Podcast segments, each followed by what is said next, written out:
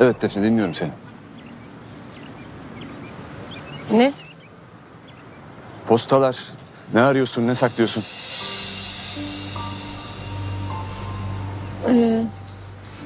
Aslında, aslında. Başına bir şeyler geliyor. Hayatında bir şeyler oluyor ve ben ne bilmiyorum. Bilmiyorum.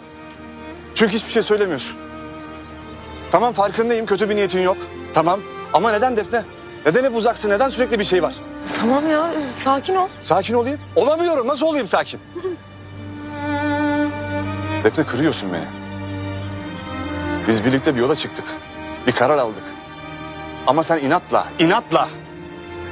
Yalnız yürümeye ısrar ediyorsun. Neden? Sanki ben bayılıyorum senden bir şey saklamaya. Ya ben sana aşık olmadan önce bildiğin Allah'ın dümdüz odun gibi bir kızıydım. Kessen yalan söyleyemezdim. Şimdi ama.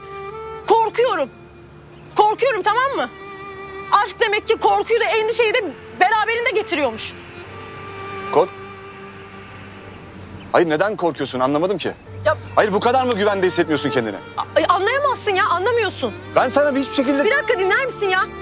Ha, Anlamıyorsun. Çünkü hiç korkmuyorsun.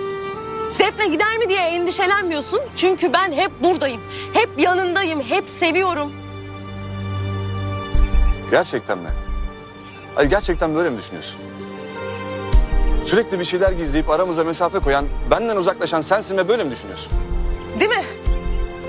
O dimdik duruşunla duvarları aramıza sen örüyor olabilir misin acaba? Hiç böyle düşündün mü? Sen hep doğrusun. Hep doğrusun. Her zaman ama her zaman doğru yerdesin. Mesela senin yanında hata yapmaya bile şansım yok. Ama ben insanım Ömer, insan, insan. Tamam mı? Benim hatalarım var, korkularım var, endişelerim var. Kusursuz değilim. Olamam da. Ama eğer sen gerçekten bunun için beni yargılayacaksan... Peki tamam. Sen bilirsin.